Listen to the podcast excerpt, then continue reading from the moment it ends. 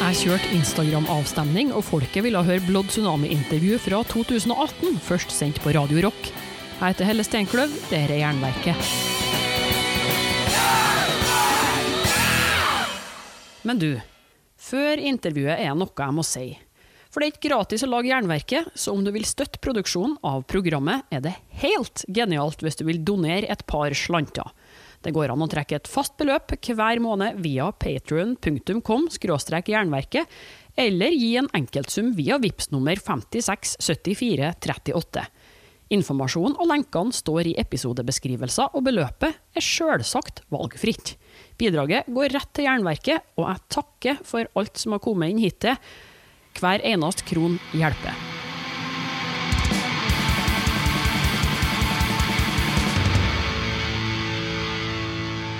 God kveld til deg, og velkommen til Jernverket på Radio Rock. Jeg heter Helle Steinkløv og skal presentere deg for to timer med variert eh, hardrock. Jeg får besøk av Bård og Peter fra Blood Tsunami i kveld. De er aktuelle med ny plat i morgen, og vi skal slådde litt om eh, den da, vet du, og gamle dager utover kvelden. De har også satt sammen mesteparten av spillelista. Blant annet har de tatt med seg Vicious Rumors med Minute to Kill. Vicious Rumors og Minute to Kill her på Jernverket og Radio Rock, der jeg har fått besøk i studio av to stykk Blood Tsunami. Velkommen! Takk, takk. skal du ha. Takk. Det, det kan jo egentlig bare begynne med å presentere dere sjøl, før vi går i gang med å presentere det høyaktuelle nyplata. Ja, da er det Bård her, trommeslager. Og jeg heter Peter, er eh, vokal og gitar. For eh, i morgen nå så kommer det en ny plat. Den heter Grave Condition. Mm. Og vi, vi, kan jo starte med å snakke litt om den. Hva slags eh, plat er det her? Det er Snedige greier, forsto jeg? Ja, den er um, Opprinnelig så skulle dette egentlig bare være en liten EP. I første omgang tiltenkt sjutommersformat med fire nye låter. Men uh, Jørn uh, Jorn på Soulseller Records han uh, syntes de var lange nok til å være på en tolvtommer. Og da, etter hvert som vi diskuterte dette litt, så fant vi ut at, det, at siden vi opererte i det riktige formatet vinyl, så kunne man jo eventuelt gå for en fullengder. Men vi hadde jo ikke noe flere innspilte låter, så vi begynte å lete litt etter gamle uutgitte ting, og fant en del låter som uh, vi syntes låt overraskende freskt. Så hvorfor vi hadde skrota dem i utgangspunktet, det, det vet jeg ikke helt. Men um, i hvert fall så endte vi opp med en, et full, en fullengder, da, som står av fire nye låter og fire gamle. Så kjøper hun på vinyl, så er side A den er ny, og side B er gammel. Men det er jo en rød tråd gjennom hele skiva, bortsett fra kanskje den siste låta, som er en cover, Steel Meets Steel av Onslaught. Den er spilt inn for over ti år siden, eller ganske nøyaktig ti år siden, mm. kanskje. Så den er jo da er jo da fanget uh, Blood Tsunami i en uh, periode hvor vi låt ganske annerledes. Men uansett, den, den holder mål, den. Ja. Og det er Grave Condition. da. Så det var, altså det var, jo ikke intensjonen da, at det skulle være en ny skive som sådan. Det var, eh, som Pete sa, tanken var en EP. da. Og så er det sånn, eh, kan man spørre seg om det er riktig da, i anførselstegn å gi ut masse gamle låter og så kalle det en ny skive, men jeg tenker at litt sånn som det har blitt nå, da, med platemarkedet og utvikling, så er det et bands privilegium å gjøre hva man vil da, med sin egen skive. For en skive nå det er egentlig bare en utgift, egentlig bare herk å styre med, så da kan man iallfall få lov til å styre det litt sjøl, da. Tenker jeg må være lov. Så vi har ikke gått over noen etiske regler, syns jeg, ved å gi ut det her uh, med litt nytt og litt gammelt. Ja, det som er mest spesielt, er jo kanskje at uh, dere egentlig har uh, dobbel platekontrakt nå. da. Uh, for ja. dere er jo signa på Indie, men den her er gitt ut på uh, Soulceller. Det stemmer det, vi er fortsatt signa på Indie, og vi forhørte oss jo med Indie i forkant av det her, og da med, med tanke på å spille inn en ny fullengder. Nå har vi vært borte lenge, og eh, vi er jo ikke et band som genererer mye penger, så at de ikke var så veldig lystne på det, det er jo fullt forståelig. Men øh, vi var ikke interessert i å bare gå rundt og gresse, så da spurte vi om ikke vi kunne få gjøre noe på et annet selskap. Øh, I utgangspunktet da en liten øh, sjutommer. Uh, nå balla jo det på seg, men uansett, så denne, denne skiva på Soulceller nå, den er jo egentlig en, hva skal man kalle det, en one-off. Men ehm, så eh, etter planen så vil jo neste fullengder da bli en indie-utgivelse, da, hvis alt går som det skal. Men um, uansett, så for vår del så er jo, er den skiva her Sånn i mitt hode så er det jo fortsatt de fire nye låtene som på en måte er er uh, utgivelsen, og så er det litt sånn bonus med disse her uutgitte gamle greiene. Um, en av de er jo for så vidt også tidligere utgitt på den forrige skiva, For faen, men da en annen versjon, da. Så, så alt av dette gamle er jo tidligere uutgitt. Uh, en liten sånn morsom sak både for, for bandet og for uh, de som er interessert i Blood Tsunami. Da. Vi må høre eh, litt musikk fra den plata her òg, før vi graver oss eh, tilbake til fortida til Blood eh, Tsunami. Det er tatt med åpningslåta. Mm. Poison Tang. Det her er Jernverket på Radio Rock. Blue Oyster Cult med Vengeance er plukka ut av Blood Tsunami, som er gjester her i kveld, representert av Peter og Bård. Dere kommer ut med en ny plate i morgen som skal hete Grave Condition, men uh, Blood Tsunami har jo en historie før dette òg. Starta sånn rundt 2003-2004, eh, Petter? Ja, den første liksom bevegelsen til Blood Tsunami, den, den, skjedde jo i 2003, men da var det jo bare meg. Eh, jeg spilte i band som het Hellride, som herja rundt på 90-tallet, og som da gikk, gikk nedenom og hjem i 2003, og da begynte jeg jo så å si på dagen og skrive, skrive låter for uh, mitt neste band, som da foreløpig ikke hadde noen navn eller medlemmer. Uh, men uh, jeg lagde låter, og jeg jobba hardt med det. Og så fikk jeg med meg noen folk etter hvert. Første jeg fikk tak i, var en fyr som heter Jørgen Nordli. Han spilte trommer. En, mer en rock'n'roll-trommis enn metal-trommis, kanskje, men han hadde i hvert fall uh, vært innom uh, Death Mission på 90-tallet. 80-tallet? 80-tallet, sorry. Mm. Her, uh, går Tida går. Ja. så han hadde jo i hvert fall vært innom metal og var glad i det, og spilte så godt han kunne. Og vi fikk med oss en som heter Frode på bass, eller Riff, som han kalte seg. Bassisten fra et Oslo-band som heter The Retardos. Han uh, spilte bass, og Dor kom inn på gitar. da. Av den uh, besetningen der så er det jo bare jeg og Dor som er, uh, som er igjen. Jørgen og Frode måtte gå. vi fikk spilt inn en demo først, i 2004. Og den, ja, den er ikke noe høydere, for å si det sånn, men den ga oss litt oppmerksomhet. Og Bård fikk jo hørt denne demoen, og ble jo med i bandet på grunnlag av den. Nå kan jo du fortelle din uh, side av historien? ja, altså vi, Det er så rart, fordi uh, jeg og Pete møttes jo først når vi ble med i Bomberos, et mindre Oslo-punkband med selveste Bjørn Inkel på gitar. det var litt Ikke pussig, men altså Jeg hadde jo ikke møtt Pete før i Oslos metallmiljø. Altså, jeg har tenkt mye, på det, tenkt mye på det da, hvorfor ikke vi hadde møttes før, men han var jo på en måte parallelt involvert i den Oslo rock-scena, da. Eh, med bandet altså Hellride og Datsun og sånn, eh, som på en måte gikk litt på siden av hva det jeg drev med. Så det var nok grunnen til at vi unngikk uh, hverandre, med unntak av at vi jobba på All Production. Oslo, nei, jo, ja, All Production, tidlig i 90-tallet. Et konsertarrangørfirma. Mm. Arnested for eh, fremtidige metallkjendiser? Det var det. Det var meg og så Pete, og så var det Jan Aksel Blomberg. Og så en som het Ken, som var en uh, markant skikkelse i miljøet rundt Oslo, for de som var der da. De uh, spilte i Mortem. Uh, ja, vi var med i Bomberos i et par uker, så ditcha vi Bjørn. Dessverre. Unnskyld, Bjørn, det var ikke meninga. uh, men ja, så var det litt sånn den demoen altså Det var ikke noe høydere som pizza, men det var også det, er, altså det var en demo da du hører at det er noe på gang. da. Det er det som er en demo. tenker jeg, at uh, Det er ikke top notch, men da hører du at uh, her er det noe som man kan bygge på. Mm. Så, ja. Og egentlig ganske samtidig som Bård ble så tok Peter Bostrøm over bassen. Han hadde jeg spilt med tidligere i uh, siste versjonen av Hellride, så han kjente jeg jo godt. Han eh, ble med på bass, og vi spilte inn en demo i 2005. Og den ga oss en platekontrakt med Nocturnal Art Productions, og, og, via det så ble vi jo automatisk signa på Candlelight, for de hadde jo kjøpt opp dette selskapet til Samot. Eh, så debutskiva, den kom eh, i 2007.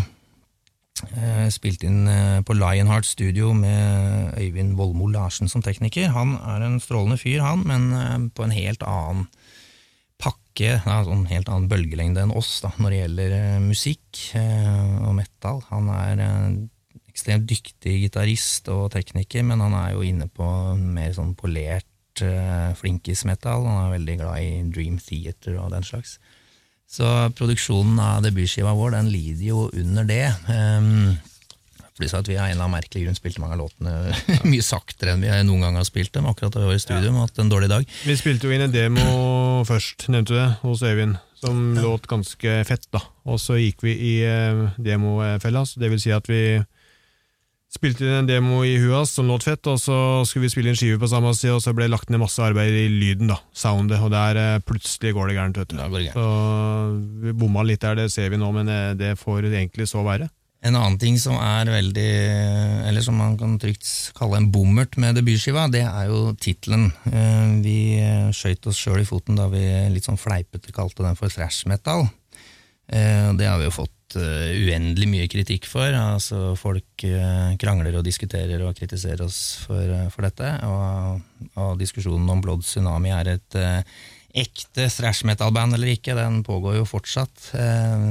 Min mening er jo at vi er det, og vi trekker inn inspirasjon fra må det være new wave og British heavy metal eller death metal eller punk eller streit rock, så er uansett produktet vårt eh, thrash metal. Da. Om det ikke låter eh, klin likt som uh, som andre band som trekker inn inspirasjonen inspirasjon fra et par riff fra et par band som har gitt ut på et par selskap et par måneder i, midt på 80-tallet. Det får så være. Men eh, hadde Lodd Tsunami dukket opp eh, tidligere så ville, og kalt skiva si noe annet, så ville jo ikke den diskusjonen vært der overhodet. Så er vi vel i dag eh, veldig usikre på hvorfor vi ikke kalte skiva Godbeater, som er eh, navnet på en ti minutter lang instrumental, som egentlig hadde vært en kickass-tittel, men vi så ikke det den gangen. Det er eposet til en, eh, til en Peter, det. Så nok en gang unnskyld til alle. Det bomma så feil. Ja. Eh, og så gikk det jo videre, og vi hadde litt eh, sånn eh, vind i seilene, eller vann på mølla, eller hva det heter, og spilte inn en ny skive ganske fort. Grand Feast for Vultures. Den ble, også, den ble jo da gitt ut på Candlelight i 2009. En langt bedre utgivelse enn debuten, men fikk mye mindre oppmerksomhet, da. Em, det er noe med å ha med sånne levende legender som, eh, som Bård i bandet. Da får man eh, eller Vi liker jo vi leker litt med det og kaller det for emperor-effekten. At man får eh, med en gang det er liksom en nyhet, så får man veldig mye oppmerksomhet. Og så, så, så dabber jo den, den nyhetsverdien dabber jo av for eh, etter hvert som utgivelsene og åra går. går Etter 25 år så har ting en tendens til å dabbe av, så det, den er jo borte i stor ja, stor så det er liksom ikke newsflash mer at eh, Bård spiller deilig, så trommer. det er helt greit. Ja. Men uh, den skiva, den uh, ja, langt bedre enn debuten, men fikk mye mindre oppmerksomhet. Uh, Det var det. Og så var vi vel fortsatt ikke der vi ville soundmessig. Den låt bedre, mye bedre, men uh, fortsatt litt for polert. Eh, vi tar selvkritikk for at til tross for at vi var studiovante, så hørte vi litt for mye på Øyvind, da. Ja. Eh, vi skulle nok ha vært eh, strengere. Ja, men det skulle vi. Vi skulle vært litt strengere. Ja, ja. Satt ned foten, som heter. Men uh, vi, skal, vi skal jo finne ut om uh, dere lyktes bedre på plata etter der igjen, men først må vi høre litt uh, mus musikk. Dere har tatt med The Accused og Halo O Flies. Halo of Flies heter herren fra The Accused. Du hører på Jernverket på Radio Rock, der Blood Tsunami er gjester. De plukker musikk, og de står for praten. Og jeg skal slippe dere til nå her, for vi mm, kom til året 2009 i stad, da dere ga ut Grand Feast for Vultures-plata. Og så skjedde det noe i eh, bandet, Petter. Ja, det gjorde det jo. Ehm, det var liksom Jeg følte vi sto og stanga huet litt i veggen. da. Vi fikk jo mye bra respons på den skiva fra spesielt utenlandsk presse. Ja, her hjemme var det veldig stille, men uh, veldig mye bra kritikker fra verdens metallpresse. Uh, uansett så sleit vi veldig med å få konserter, spille konserter, og vi mista et par ganske store turneer. Eh, hva var det for noe? Absu og Onslaught? Det, nei, Absu også var det det der bandet som du kjøpte merch av, som du aldri Au, fikk. Uh, Eh, Det er sånn jeg kjenner. Nacht Mystium. Ja. Mystium. Ja. Ja, men så var det en Onslaught-tur som gikk i dass. Ja, det var det, ja. Stemmer det. Eh, Så jeg ble litt sånn bitter. Det her var jo, det, disse tur- turneene stoppa jo på, på skrivebordet til Candlelight. Så jeg var litt sånn, følte vi sto og stanga huet litt i veggen, pluss at vi sleit med det der, eh, mm, hjørnet vi hadde malt oss opp i sjøl, med tittelen på debutskiva, og den der krangelen om hva pokker slags band vi var. Så jeg eh, trengte en liten pause, og skulle bare egentlig hatt litt gøy den sommeren sammen med Kristoffer Schou, så vi starta et band som vi kalte for Mongo Ninja. Og begynte å mekke litt låter der, og så var det dags å få inn noen medlemmer. um, og da kom jo Bård inn på trommer Uh, i det bandet òg. og det bandet det var jo helt uh, filterløst. Det, var noe av filosofien bak eh, Mungis. Det var bare å spille alt vi hadde lyst til. eh, og det resulterte jo i en salig blanding av, av metal og punk og rock, da, eh, selvfølgelig. Eh, Chris Piss, Bowel Ripper fra Lobotomized og nå Deathhammer, han eh, ble med på gitar, og Mats Martinsen, som eh, på den tiden vel ikke var noe særlig eh, ja, Han var ikke i, i noe band, men han jobbet jo i, i, i musikkbransjen som bookingagent. Så det ble Mongo Ninja. Og jeg skrev låter over en lav sko, og vi spilte inn en skive som het uh, And the Wrist Is History. Og Indie signa jo Mongo på flekken. Uh, og vi kjørte på. Men uh, på et tidspunkt der så, så savna jeg Dor. Så jeg fikk inn Dor. Som i fyren Dor og ikke verktøyet. I- Ja, rett og slett. Ja. Fyren Dor. Ja. Han heter jo da egentlig Kristoffer. Lang historie, det kallenavnet er, men det kan vi ta en annen gang. Eh, og det blei eh, tre skiver på, på ett år. Helt idiotisk, selvfølgelig, men det var gøy. Eh, Ja.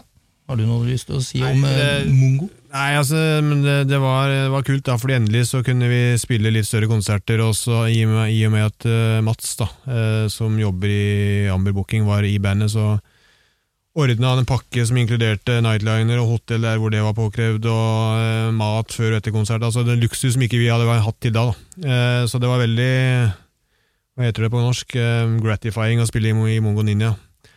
Så ble vi litt lei. Jeg vet, jeg fikk, vi fikk en følelse av at det var et tulleband. Og mange trodde det var et tulleband siden Kristoffer var med, selv om det var jo ikke det. Men eh, Kanskje noe med Navnet å gjøre Nei, ja. hva, hva tenker du på da? Eh, jeg syns det egentlig var ganske bra band, da, i all beskjedenhet, men eh, vi gjorde jo tre skiver på et år, og så gjorde vi ufattelig mange konserter på et år. Det var jo, det var jo bra. Jeg husker Mongo Ninja godt fra den tida. Det var liksom plutselig så var det overalt, og så forsvant det igjen. Ja, det var, det var kort og intenst. Det var eh, tre, tre skiver på et år og tre, tre år med, med gigging. Ja. Og så kalte vi en dag. Eh, Kristoffer gikk jo videre og starta The Dogs, og der er jo Mats også med på gitar. De gjør det jo helt strålende.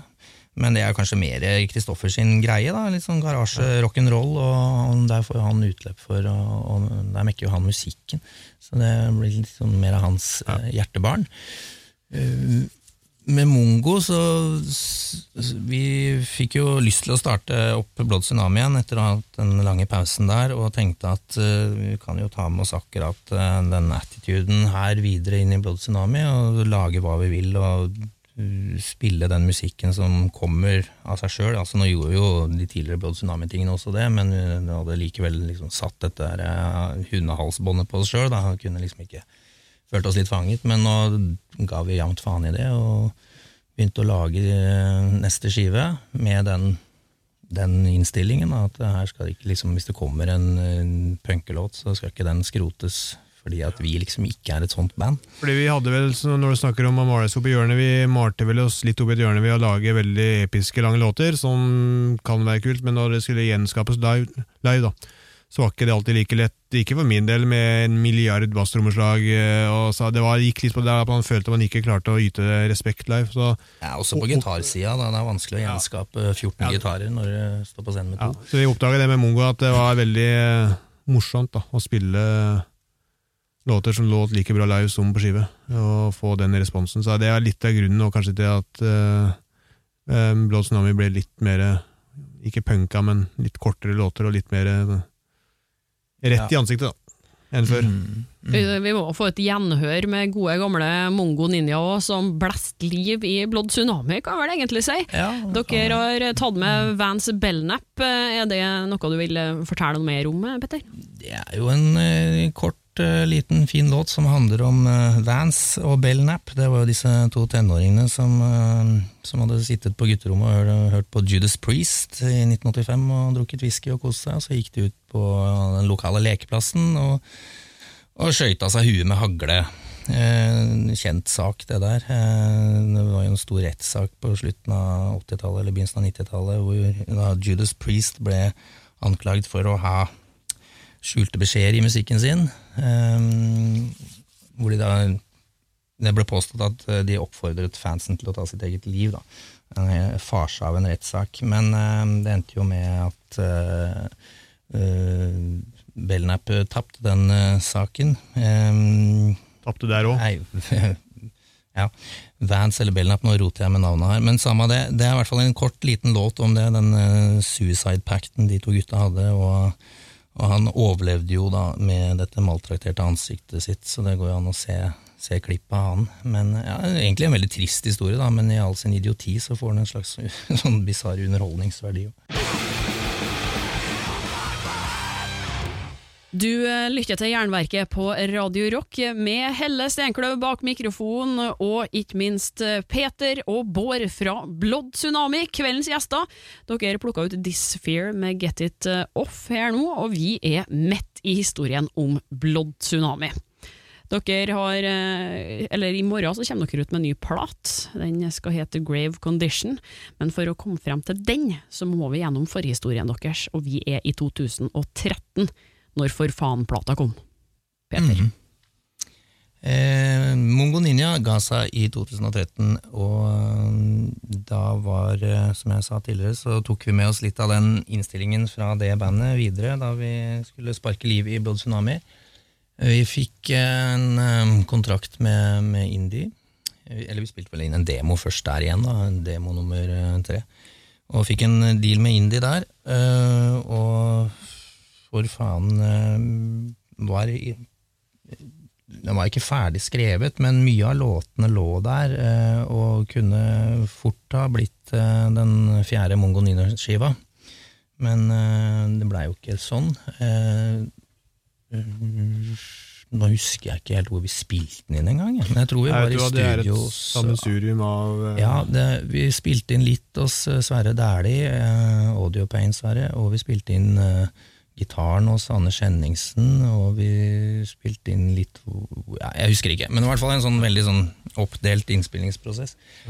Og vi bestemte oss vel også for å gå vekk fra eller distansere oss så mye som mulig da, fra, fra gamle Blood Tsunami med stor produksjon, lange episke verk og fargerike covere med masse detaljer og sånn. Så vi strippa egentlig ned på alt, og jeg lagde en ny logo, og vi bare Ja, det var på en måte en uh, helomvending. Um, Det var bare navnet dere ikke skifta ut, ja, det var, vi kunne egentlig like så godt ha gjort det også. Altså, for det ble, sånn, i hvert fall i mine, mitt hode og i mine ører, så er Blood Tsunami før og etter Mongo Ninja jeg kunne, jeg kunne like så godt vært to forskjellige band. da.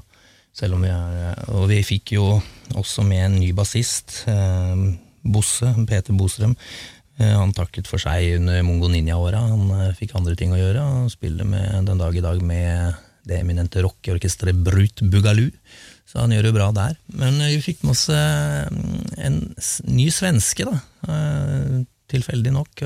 Kalle Janfalk. Carl Jarnfalk. Strålende fyr. Han spiller bass den dag i dag i Blood Tsunami.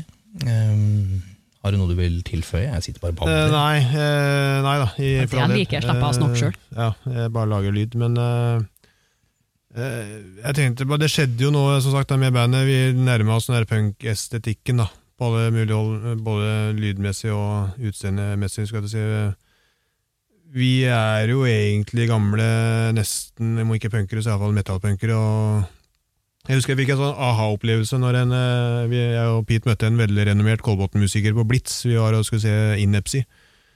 Og da ble det sånn Jøss, er dere her? Hva gjør dere her, liksom, gutta? Og da tenkte jeg faen, det er jo ingen her som er så punk som oss. Vi har jo sittet og bestilt skiver fra utlandet fra slutten av 80-tallet. Punkskiver og hardcore-skiver og metallskiver. Så tenkte jeg Så vi er jo ikke blaserte metallmusikere. Vi er jo egentlig litt sånn på do it yourself-nivå og liker at ting er litt enkle, da.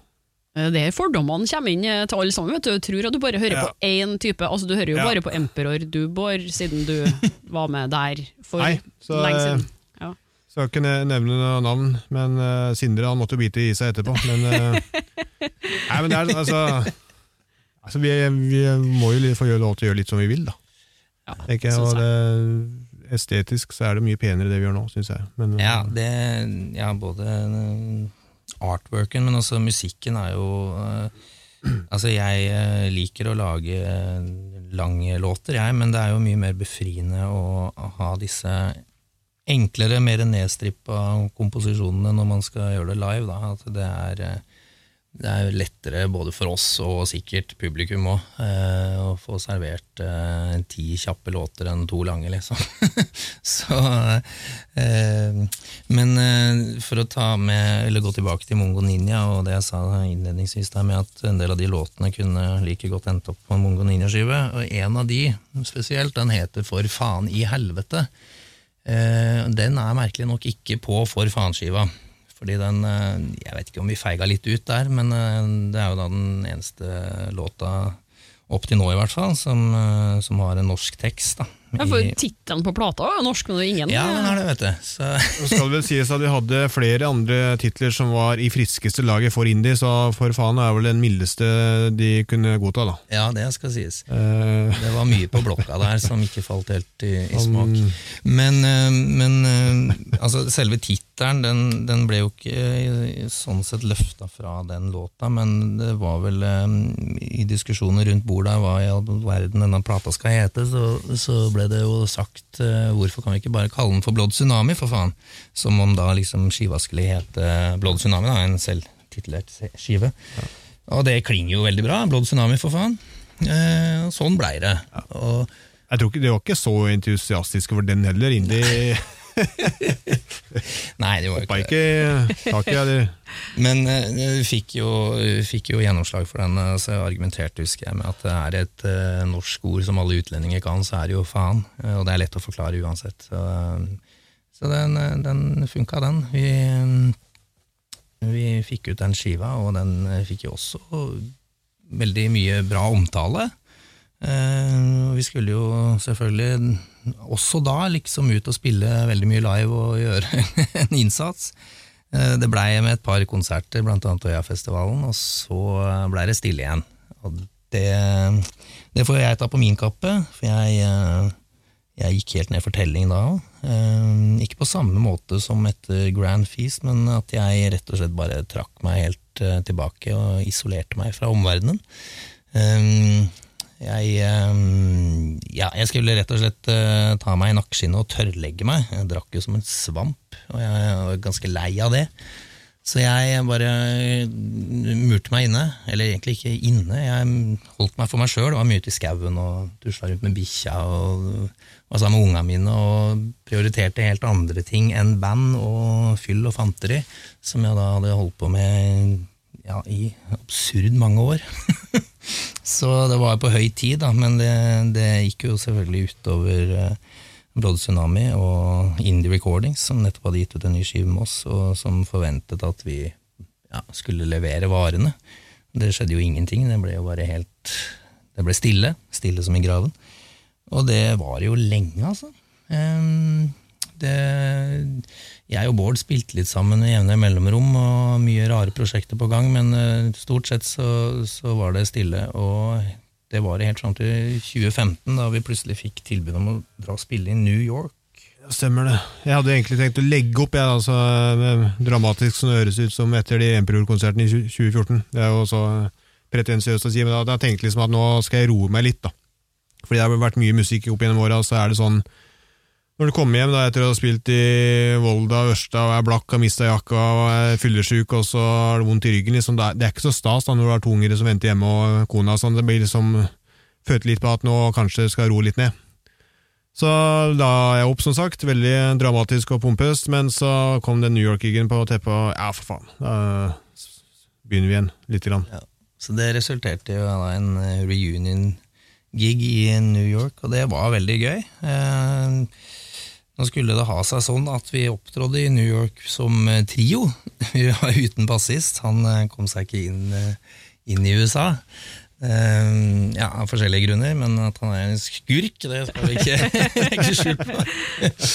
men vi spilte i hvert fall i New York som trio, uten bass. Og det gikk jo rett hjem, det. Det var veldig gøy. Og da vi kom tilbake, så, så var det jo litt sånn Ja, det er, det er jo verdt å, å fortsette. Det er, jo, jo, Vi har hatt det såpass mye gøy sammen, og vi liker jo å spille sammen. og vi, vi lager jo musikk som vi sjøl syns er kult, og det er jo til syvende og sist derfor man holder på. Man skal ha det kult, man skal ha det gøy. Um, om andre liker det og, og, investerer i det man driver med, så er jo det en kjempebonus. Men um, savna jo selvfølgelig det sosiale ved å spille, da. Uh, alt det administrative og slit og PC og all alkoholen og sånn, det kan jeg godt være foruten. Og ja, la det være sagt òg, at jeg er jo selv om vi nå har starta opp igjen, så er jeg fortsatt tørrlagt. det er ikke sånn at liksom jeg ramla rett utpå igjen med en gang bandet starta. Men. Men, men det var jo positivt for både bandet og også din karriere som musiker, det at du slutta å drikke. For det, nå er jo mye større kontinuitet, selv om det ikke skjer noe for så vidt heller. Da, men eh, det at det ikke skjer noe, er mye mer, mye mer vedvarende. da ja, det, det, det, vi, vi, lar det være med det, og så hører vi en ny låt, eller kanskje ei gammel ei, siden det egentlig ikke skjer noe. Blood Tsunami sjøl, 'Allegory of the Cave'.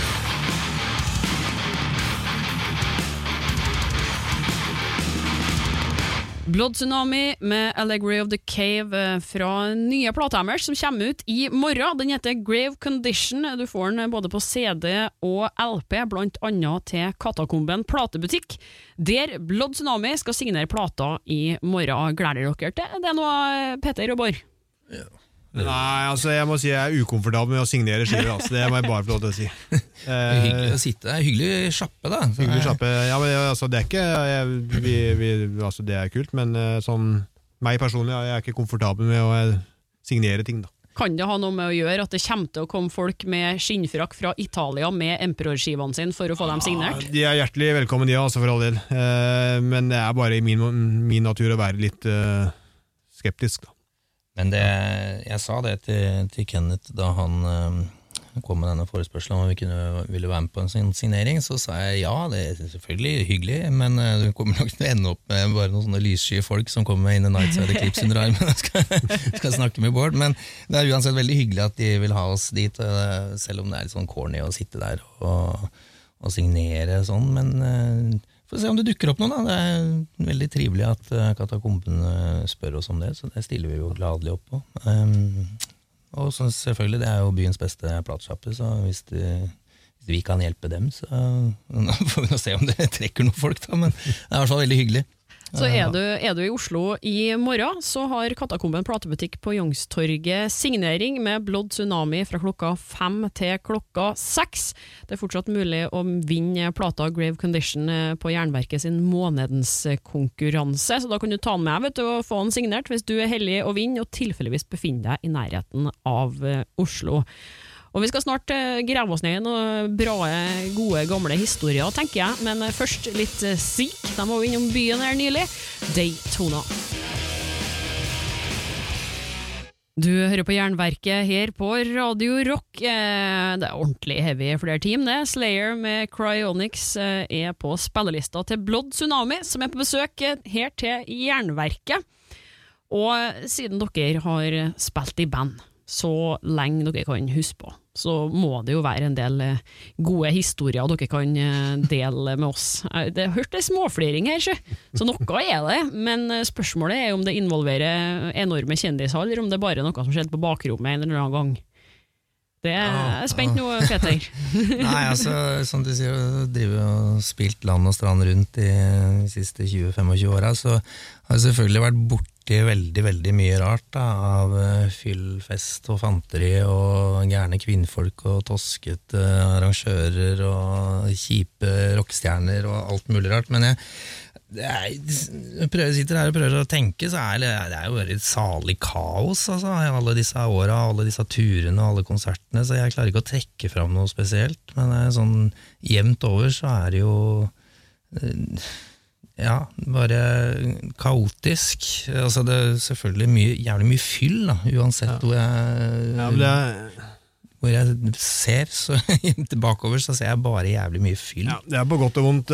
Det kan være morsomme historier, men som samtidig er eh, tragiske eller eh, litt mer eh, triste da, i sin eh, natur også. Altså, er, som Pete sier, så er det mye fyll, da, på godt og vondt. Og så Hva skal jeg si? Så har det vært episoder, som Pete sa, som i ettertid fremstår som veldig morsomme for oss, da, men som kanskje ikke er eh, er all verden for eh, resten av, resten av verden, men eh, Det er vel forelda nå, så det går an å fortelle. Ja, det er så vidt. Men eh, nå skal sies at Pete har nok spilt mye mer live eh, enn meg, da. Iallfall med sine gamle Oslo-rockband, Hellroyd og Datsun, tenker jeg. Så har det sikkert vært mer eh, historie fra bygda der. Ja, ja, det- ja.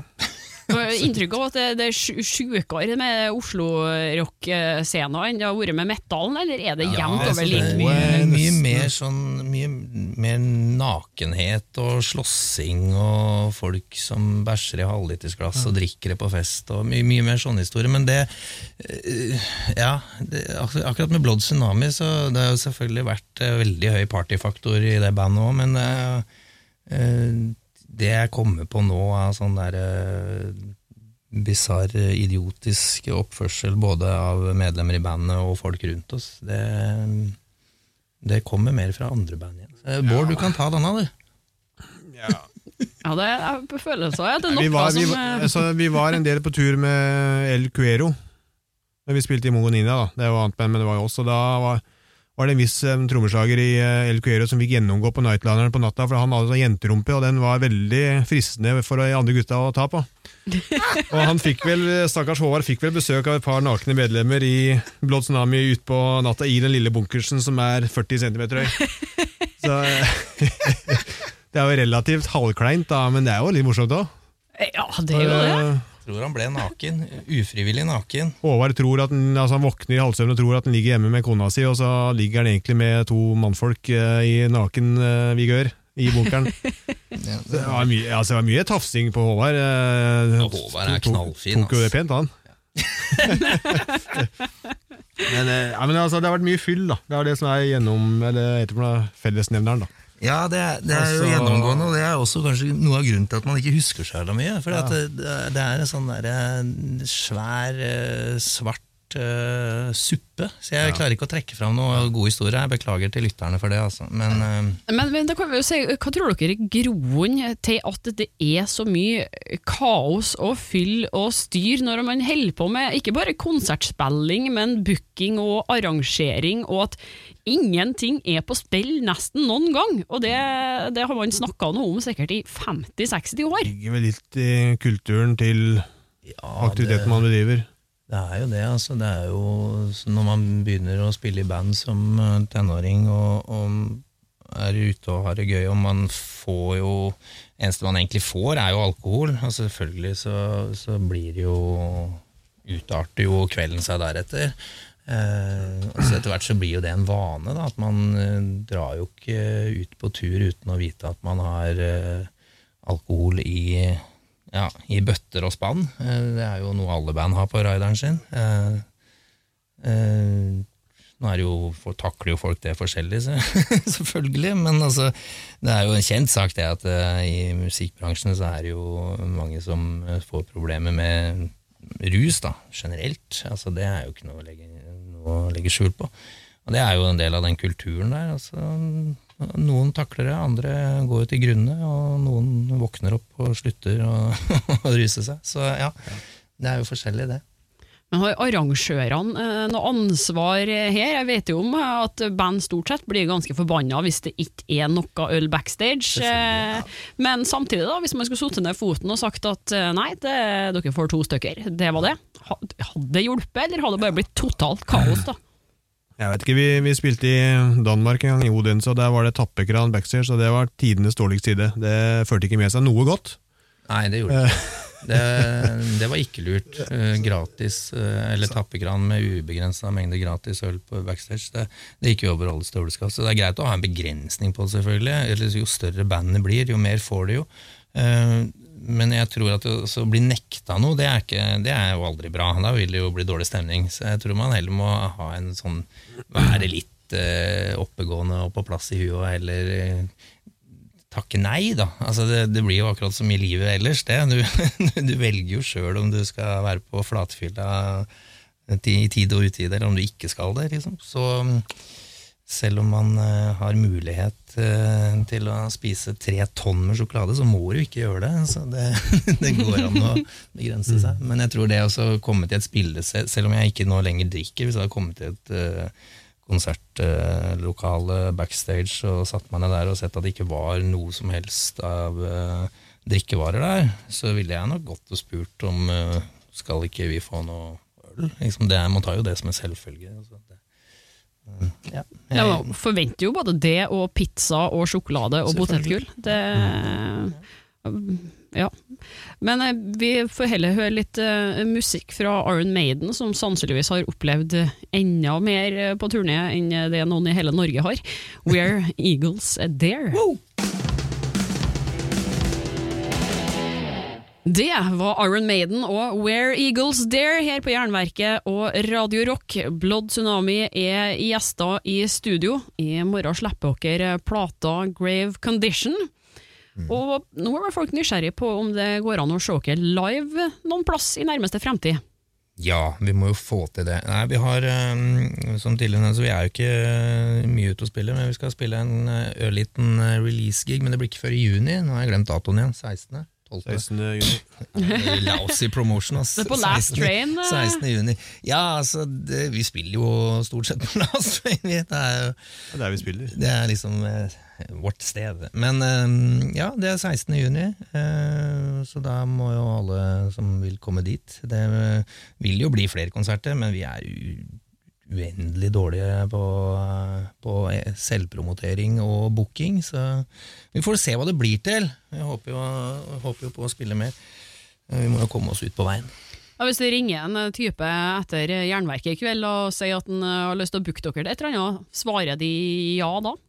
Det kommer jo litt an på hva slags eh, Hvis de får noe for det, hvis de får dekka tur og får litt er. penger og Ja, altså vi er ikke vonde å be, men eh, til å være et band, så, så spiller vi jo veldig sjelden, da. Eh, til å være et band som fortsatt er i live. Um, ja, nei, altså vi har ikke noe mer på, på, på, i boka enn akkurat den lille, lille gigen på Last Train, men det vil komme mer, så det er jo egentlig bare å å følge med på, eh, ja, på Facebook, Facebook. Og, og sånt noe. Holde seg oppdatert. Så jeg håper folk som eh, er interessert i Blodig Tsunami, gjør det. da. Eh, er i hvert fall jeg med band jeg er interessert i. Ja, vi får eh, krysse fingrene for det. Blood Tsunami kommer med Grave Condition i morgen, som sagt, på CD og LP. De får tak i den på blant annet Katakomben platebutikk, der dere skal ha signering i morgen Mhm. klokka fem. Og da, da er det bare å ta turen, altså. Ikke bry dere om at vi sitter her og er skeptiske og gruer oss. Det er bare vi eh, som er negative gamle menn. Det, Ja, blir, det blir så bra. hyggelig Ja, da. da sitter sikkert Kenneth der, eller eh, Einar, eller eh, Hans Jørgen, eller Ja, da. Så det er sikkert en kopp kaffe, kanskje, for all del. Ja, passe på. Altså, så du får sørge for å ha hvete og tusjene og kvessa blyantene. Eh, lade opp batteriet på kameraet og ta med mobil full av strøm, så er det bare å knipse i vei. Guttene er på plass. Vi ses. Du har hørt et intervju med Blood Tsunami innspilt i april 2018. Likte du det, kan du f.eks. høre episodene med Aura Noir, Emperor og Jævel. Neste uke skal vi bli bedre kjent med Doomsludge-postfolkene i Dval, ei samling ord som normalt skremmer meg. Men det intervjuet har ikke jeg gjort ennå, så i mellomtida får du høre deg opp på Platehammers Gospel of Vile, utgitt på Dark Essence Records. Om ikke gjør det allerede, abonner på Jernverket podkast via podkastapp eller gå inn på jernverket.kom. Fortell alle du kjenner om podden, og legg gjerne igjen ei god anmeldelse der du hører. Og vil du bidra med noen kroner for at jeg skal kunne fortsette, kan du gi støtte via Patrion eller Vips. Se info i episodebeskrivelser. Og så må du huske på å følge Jernverket på Instagram og Facebook, for der er det konkurranser, diskusjoner og musikktips hele tida. Akkurat nå kan du vinne skiver og merch fra Myrholt og Katakomben. Helle Steinkløv, det er meg, og jeg kjører på med et nytt eller gammelt hardrockintervju hver fredag. Vi høres!